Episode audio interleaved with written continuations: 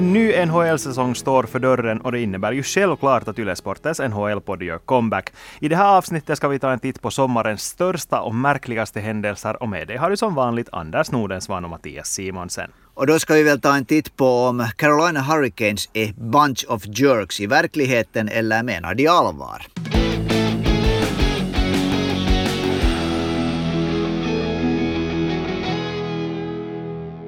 Ja, vi tar och börjar med det absolut självklara Jesperi Kotkaniemis flytt till Carolina, som ju kanske var hela NHL-sommarens största snackis. För Kotkaniemi skrev på för 6 miljoner dollar och ett år i Carolina då Montreal valde att inte matcha hans kontraktförslag. Så frågan är väl, var det här en hämnd för Montreals kuppförsök då de gav Sebastian Aho en skit för några år sedan? Som nu många, många, många har sagt och skrivit och kommit ut med, så det, det är ju helt klart att det på ett sätt var en hämnd eftersom det var så mycket detaljer i det här kontraktet. Började för att han fick 20 dollar i sån här underskriftbonus, vilket är Sebastian Ahos spelnummer och det där. Så det är väl, man måste väl utgå att det var en, en hämnd, men det kan ju ändå inte vara liksom huvudpointen att man betalar 6 miljoner för att få en spelare om man inte tror på den här spelaren. Nej, men samtidigt måste man ju nämna här att alla de här involverade från Carolinas sida säger ju att det här verkligen inte var en hämt. om Dundon, alltså ägare, säger senast igår att nej, nej, nej, det har inte någonting att göra med något personligt med det som Montreal försökte göra med Sebastian Aho. Men samtidigt som du säger, så det till exempel den där signing bonusen berättar ju nog att det i allra högsta grad var åtminstone en peak mot Montreal.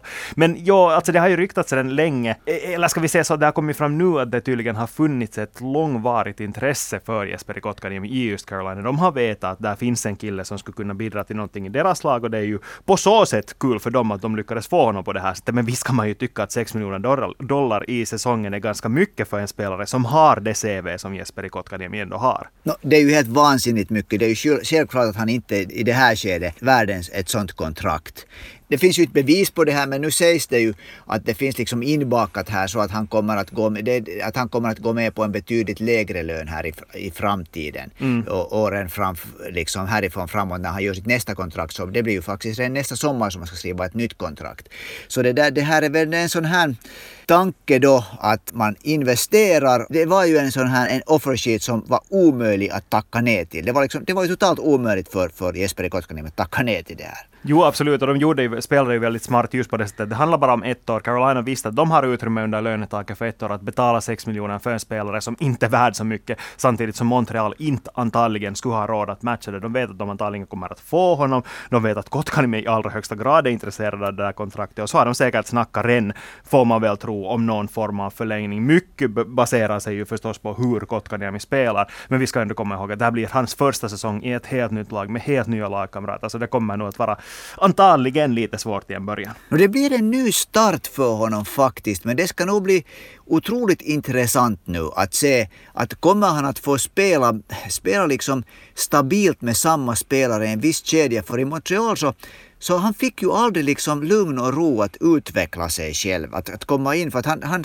slängdes hela tiden från kedja till kedja, spelade ofta med spelare som inte riktigt passade med honom. Och, och det, det verkar ju åtminstone utomstående, för en utomstående och kanske också från den här sidan Atlanten, som att, att Montreal lite tappar intresse för, för Jesperi Kotkaniemi i och med att då Caulfield och Nick Suzuki tycks passa så bra ihop om det är någonting som jag har saknat med det här att vi har haft sommarpaus, eh, off-season, lite som NHL också haft, så det är, är det förstås alla ni som lyssnar och er respons som ni har skickat in. För vi har också nu redan den första veckan fått in massvis med frågor och en av dem handlar om just Jesper Kotkaniemi. Sami undrar, egentligen lite det som du Anders gick in på här, hur bra ska Kotkaniemi passa in i Carolina? Hur, vad kan vi förvänta oss av honom? No, jag tycker man måste utgå från hur ung han ändå fortfarande är. Och beroende på som det nu ser ut så har de placerat honom åtminstone här i, i, under försäsongen i en tredje kedja. Det ser ut som, som det där som han skulle spela på vänsterkant i en tredje kedja med Vincent Trocek och Teo Teräväinen. Och det är ju en helt sjukt bra kedja. Han har aldrig spelat i en så bra kedja tidigare, det kan man säga. Om det börjar liksom att eh, rulla på och Carolina eh, spelar ett spel som jag tycker att passar Kotkaniemi bättre. De håller, tycker om att hålla puck, passa, liksom spela långa, långa spel inne i offensiva zonen. Så tycker jag att man skulle kan förvänta sig att Jesperi Kotkaniemi ska kunna producera cirka 50 poäng.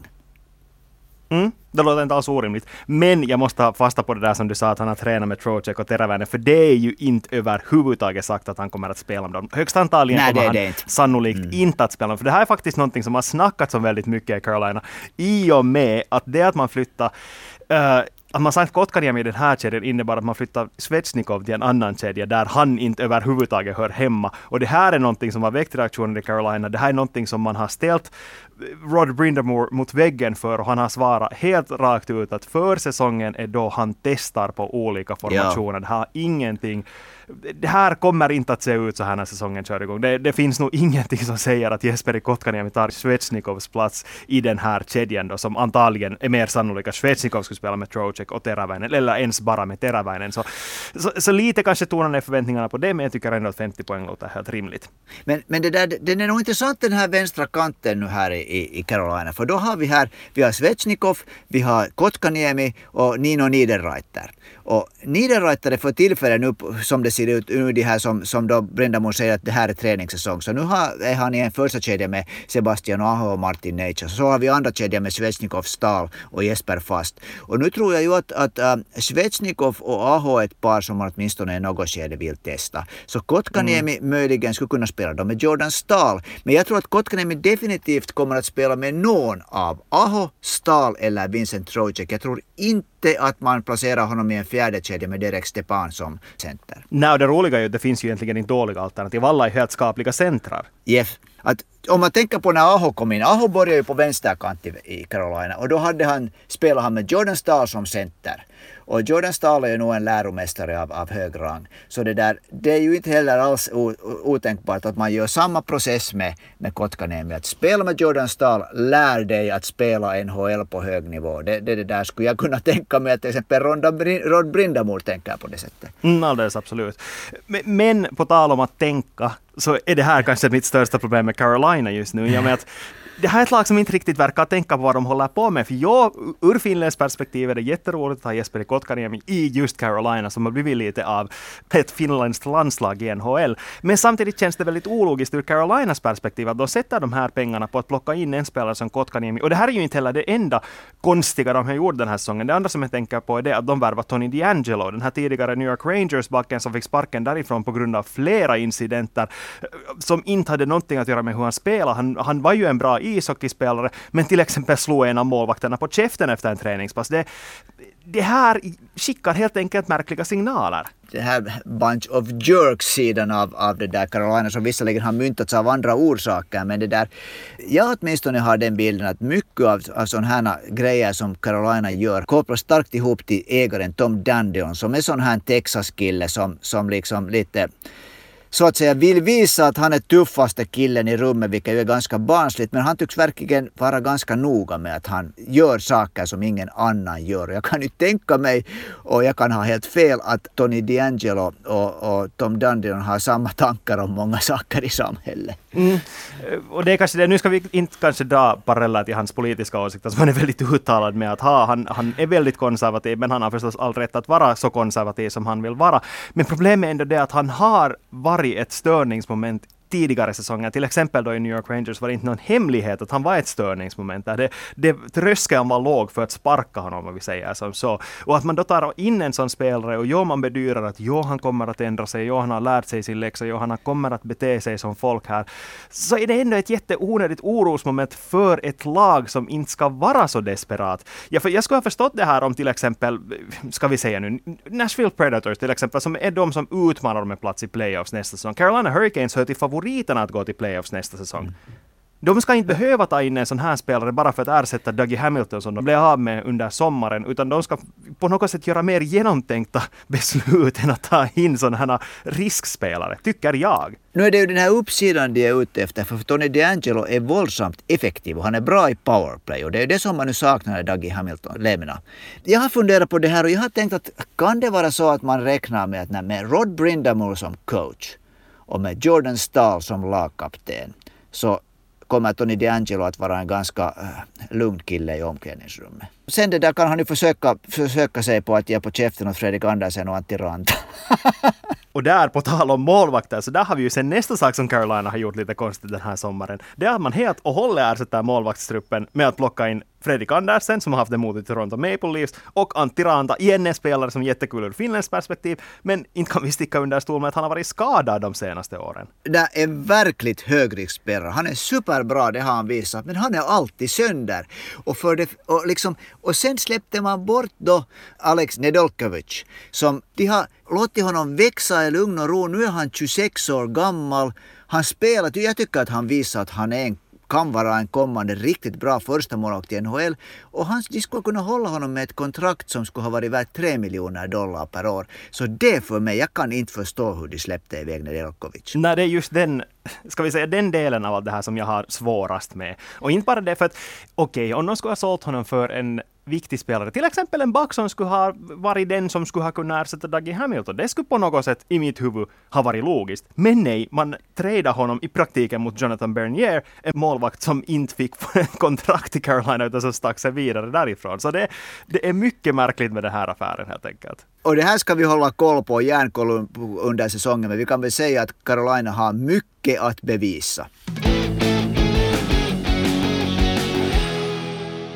Som sagt så fick vi in massor med frågor den här veckan. Vi ska försöka hinna beta av så många som bara möjligt. Uh, Martin undrar, eller Martin har bett oss gå igenom finländska trades och det ska vi ju självklart göra. Och då är det ju en spelaraffär som sticker ut. Rasmus Ristolainen fick, får vi väl säga, äntligen lämna Buffalo och är nu klar för Philadelphia. Och det ska sägas här att Flyers betalar ett häftigt pris för Ristolainens tjänster. Ett val i den första rundan, som dessutom var det fjortonde valet i förra draften. Ett val i den andra rundan 2023 och Robert Hägg. Och apropå att måste bevisa vad han går för, så den här säsongen för Rasmus Ristolan är så stor att den liksom är nästan utanför skalan. Det är sant, men det som jag ändå på något sätt mest förundrar mig över i den här affären är just det här priset som Philadelphia gick med på att betala för Ristolan. För det här är... Ristolainen hade ju en enorm roll i Buffalo, men nu kommer det inte att vara så i Philadelphia. Enligt alla signaler som har kommit från deras träningsläger hittills är det att Ristolainen kommer dels att spela i det andra backparet, hans minuter kommer inte att vara nära heller sådana som de var i Buffalo. Det är säkert bara positivt. Men han kommer antagligen inte heller att spela powerplay. Han är bakom i rangordningen. Han är efter Ivan Provorov, efter Ryan Ellis, antagligen efter Keith Jandol där. Får antagligen nöja sig med att spela boxplay. Så min fråga är varför man betalar man så här mycket för en sån spelare som man inte vill att ska vara den här stora ledande kärnbacken? Alltså, så här tänker jag, och jag kan ha hundraprocentigt fel som jag ofta har. Att Philadelphia Flyers anser att de har det här fönstret uppe nu för att vinna Stanley Cup. Att de har ett starkt lag och att de, de liksom byggde nu ett, lag som, som, ska vara liksom, som faktiskt ska vara färdigt att gå hela vägen. Och jag tycker att Rasmus Ristolainen på ett sätt passar helt perfekt in i den här liksom Philadelphia Flyers sätt att tänka. Han är det där, det har hela tiden sagt att han, han är inte en, back som ska vara den ledande backen i ett lag, men att han det här, det har liksom, tycker jag, uttryckligen riktigt understryks att han är en, en back för det andra backpar, en topp fyra back i, i, i, det där i NHL. Och nu är det ju en sån roll som han då kommer att, att, att ha antagligen med största sannolikhet åtminstone när säsongen börjar i Philadelphia Flyers, det andra backparet med Travis Sunheim, när då Ivan Provorov och Ryan Ellis kommer att vara första backparet. Och han är en han är en av de mest tacklingsglada och bäst på att tackla äh, backarna i hela, i hela ligan. Han är stor, han är stark. Han har en offensiv uppsida som han har visat. Han har gjort 40 poäng som bäst i NHL och, och en högerskytt och kan spela powerplay. Så jag är inte hundraprocentigt övertygad igen, det här är försäsongen, om att det som man nu talar om, hans roll till exempel i powerplay, att den är på något sätt låst. Jag tror att Ristolainen har alla chanser att, att bli en, en, en där powerplayback i andra, i andra powerplay-formationen. Men fortfarande här är jättemånga frågetecken och det största frågetecknet tycker jag är ett påstående som du tog just, nämligen det här att Philadelphia skulle vara nära att vinna en Stanley Cup, för det tycker jag inte att stämmer. Jag tycker inte att det här är ett värst bra lag. Jo, nu har de backtruppen i skick, men när de både skaffar in Ryan Ellis och Rasmus Ristolainen, för oavsett hur mycket Philadelphia betalar för Ristolainen så är han ju en bra spelare. Det kan jag inte säga någonting emot. Men inte är de så bra att de skulle vara, tycker jag, bara några backar ifrån att tävla om Stanley Cup. Deras största problem är ju det att de inte har en vettig andra center. Nu i och med att Claude Giroux har börjat spela på kanten bredvid Jean Couturier som är solklar etta så har de inte riktigt en andra center som håller den nivå som krävs för att tävla om riktigt framskjutna positioner. Och så har de dessutom deras andra center just nu är Kevin Hayes som både är skadedrabbad, har gått mm. igenom en enorm pers den här träningssäsongen då hans bror avled tragiskt. Så jag vet inte, det finns bara jättemånga frågetecken kring det här laget. Det finns det garanterat säkert och det finns bland annat också så är ju också målvakten ett verkligt stort frågetecken. Att ska, det bli, ska det bli äntligen liksom så att Carter Hart tar den här rollen som en, som en den stora kanadensiska, följande kanadensiska målvakten, en toppmålvakt i NHL förra säsongen, floppar Han är ung, han har alla chanser. Men jag tror nog att, att, att, så att jag förstår att du tänker så här och jag kanske också kan tänka på det sättet, men jag är helt säker på att Philadelphia anser att de har ett tillräckligt bra lag för att gå hela vägen. Och äh, det att Kevin Hayes nu är borta, han är en självklar andra center i det här laget och det där, de har ju räknat med att han ska spela och i något skede ska han väl komma tillbaka. Och jag tror att i Philadelphia så ser man benhårt på att Kevin Hayes är en tillräckligt bra andra center för att gå hela vägen och Jean Couturier är en första center som ska vara det. Att jag tycker att det här är ett lag som på ett sätt, eh, om jag tänker hur jag, hur jag ser på Philadelphia Flyers sen det att de har tiderna kommit med till, till NHL, så jag tycker att det här är ett lag som ganska mycket liksom en modern version av en sån här lite sådana här Broad Street Bullies. De är starka, de har mycket sandpapper i sig. Spelarna är sådana här liksom tuffa. Så det där, jag tror att Philadelphia tänker på annat sätt än vad du tänker. Mm, det gör de säkert, men det tar inte heller bort det faktum att Ristolainen har otroligt mycket att bevisa, både för Philadelphias yep. fans, både för sig själv och också landslagets ledning. För det, det här är ju inte den enda orsaken till att Ristolainen var i rubrikerna i sommar. Ristolainen var egentligen den enda NHL-stjärnan som blev utan en inbjudan till Lejonens första OS-möte. Jukka Jalonen och Jere Lehtinen sa då att orsaken helt enkelt är att Ristolainen har tackat nej till alla VM-inbjudningar han har fått, så de antog helt enkelt att han inte är intresserad. Och nu finns det säkert en massa skadeglada Lejon-fans som satt och myste när de läste det här, för Ristolainen har ju kritiserats häftigt av publiken för samma sak, just det här att han aldrig ställer upp. Jo, det var det där besynnerligt när man, man följde med det. För att jag tror att ganska många ändå har sett Ristolainen som självklar i första eller andra backparet i ett, i ett bästa möjliga lejonlag. Och nu är det säkert mycket som vi inte känner till, men det här var ju nog en kraftig fingervisning av Jukka Jalonen. Jag tror mer av Jalonen än av Jere Lehtinen. Alldeles garanterat, ja. Att det här är mitt lag nu och han är Jalonen är liksom en sån här my way or the highway coach. Det har vi sett tidigare. Och det är någonting där nog, jag vet, det kan ju hända att det är något som han ville att Ristolainen skulle reagera. För att, vi blir ju mycket klokare om ett par veckor när, när Lejonen kommer ut med den här långa listan för, för OS. Då ser vi, om Ristolainen inte är med på den listan så då är han borta. Då kommer han inte med till, till Peking. Och, och det är intressant, det är fascinerande på sitt sätt att följa med det här. Mm, jag tror bara att det här helt enkelt var, var Jalonens sätt att säga till på skarpen att du kan inte ignorera oss hela tiden. Att du kan inte bara göra så att du väljer att delta i OS, du väljer att delta i World Cup. Att det räcker inte, du måste faktiskt visa intresse för att spela i landslag och inte bara hoppa med när det känns skiva att göra så. Men vem, får, vem vet, vi får se om några veckor som du säger. Ja, och det som ju är intressant att nu kom det, kom det från Philadelphia Flyers uh, training camp kom det, kom det då berättade Alain Vigneault i en presskonferens att Rasmus Ristolainen vann varenda en konditionstest i laget. Han var bäst på allt. Styrka, uthållighet, allting. Han var bäst i laget. Mm. Och det kan man väl nästan vänta sig. Eller ska vi säga, nu om vi tittar ur alla de här lejonanhängarnas perspektiv igen, så Ristolainens orsak till att han har nobbat VM har ju alltid varit att han vill träna. Så, så man kan väl nästan vänta sig att han ska vara etta i alla konditionstest i så fall. Men om någon spelare, om någon finländsk spelare förutom kanske då Jesperi Kotkaniemi som ändå är ung, så har nu en den säsongen som kommer att definiera honom som ishockeyspelare, så är det Rasmus Ristolainen.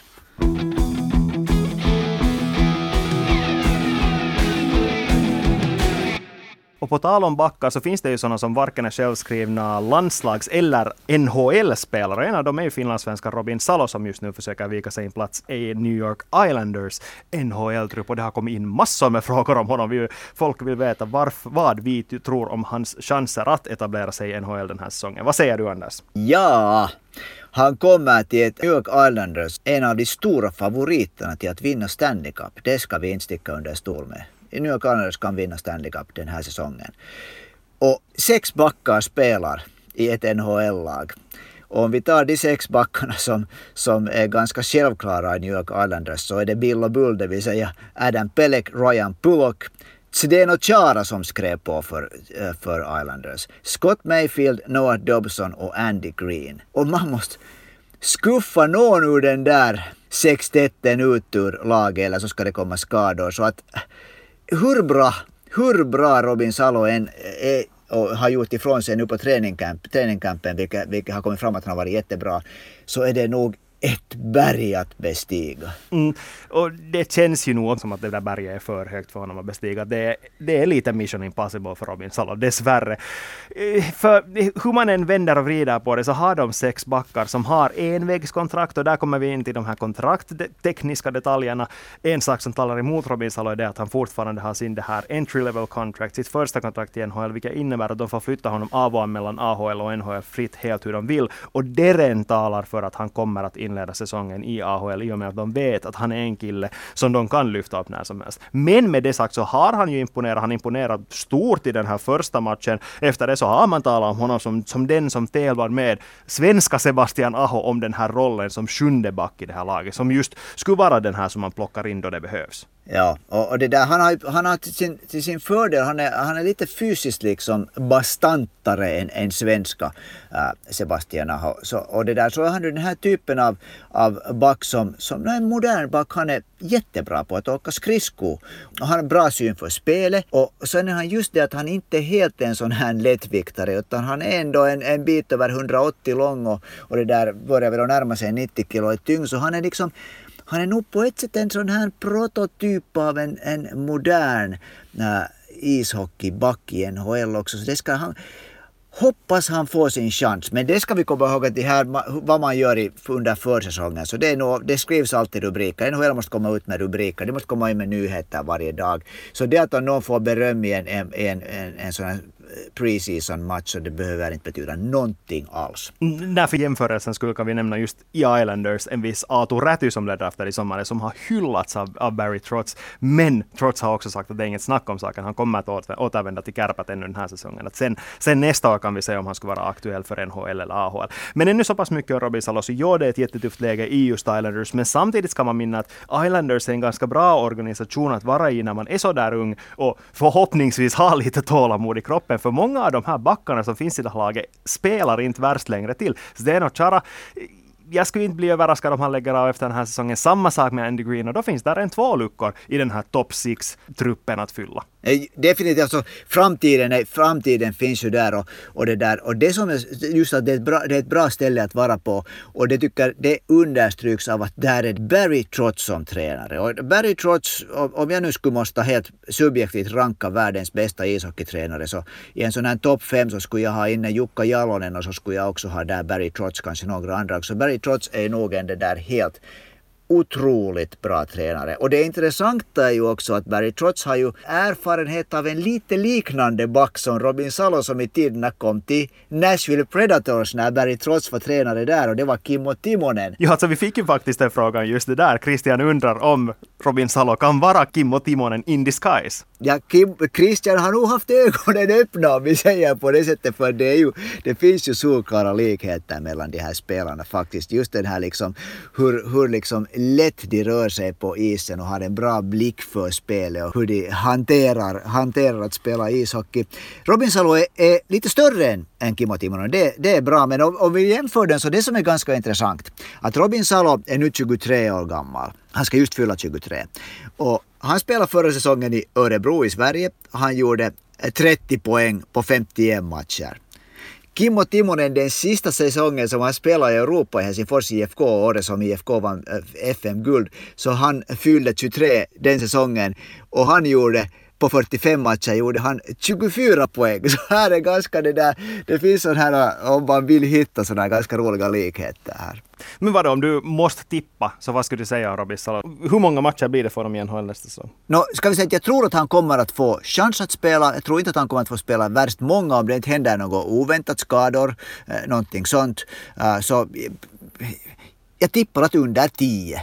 Men det är ju inte bara Robin Salo av finländarna som håller på att tävla om en plats i NHL-trupperna. Det är många finländare som är bekanta kanske från inhemska ishockeyligan, från AHL, från SHL, som just nu är där i USA, i Kanada och försöker vika sig en plats i de här NHL-trupperna. Visa vad de går för äntligen efter många år på andra håll. Så vad skulle du lyfta fram? Vem skulle du lyfta fram, Anders, som en sån spelare som kan vara aktuell för, för till och med en plats i NHL? Det finns många intressanta spelare. En som jag är nyfiken på är Alexi Heponiemi i Florida.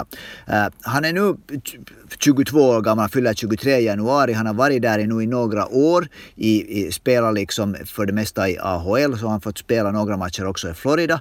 Det börjar vara dags för den här otroligt skickliga centern som många säkert kommer ihåg från, från VM-guldlaget i JVM 2019. Att liksom vika sig en plats om han ska bli en NHL-spelare. Det börjar vara dags nu. Joel Kenneville är coachen i Florida. Kenneville gillar den här offensiva uppsidan som Alexi Heponiemi har. Samtidigt är Heponiemi otroligt liten och lätt. Han är under 180 centimeter och väger inte just över 70 kilo. Men det där, om han ska bli en NHL-spelare ska det bli med finess och med, med det där att han gör poäng och han är snabb. Så jag tycker det här är intressant att se vart hans, vart hans karriär är på väg. Men när vi talar om Florida så finns det ett ganska uppenbart problem där. Det finns inte riktigt platser att ta i centertruppen. Mm. Om, du, om du alltså vill att han ska spela som center. För de som de har nu, Alexander Barkov. Sam Bennett, Joe Thornton, Noel Akiari. Plus att där finns en viss Anton Lundell som också tävlar om en plats i till exempel tredje kedjan. Jo, där ska jag korrigera mig. Jag tror på något sätt att Heponiemi helt enkelt hur han är fysiskt så han är kanske inte en spelare som, som har en framtid som center i NHL.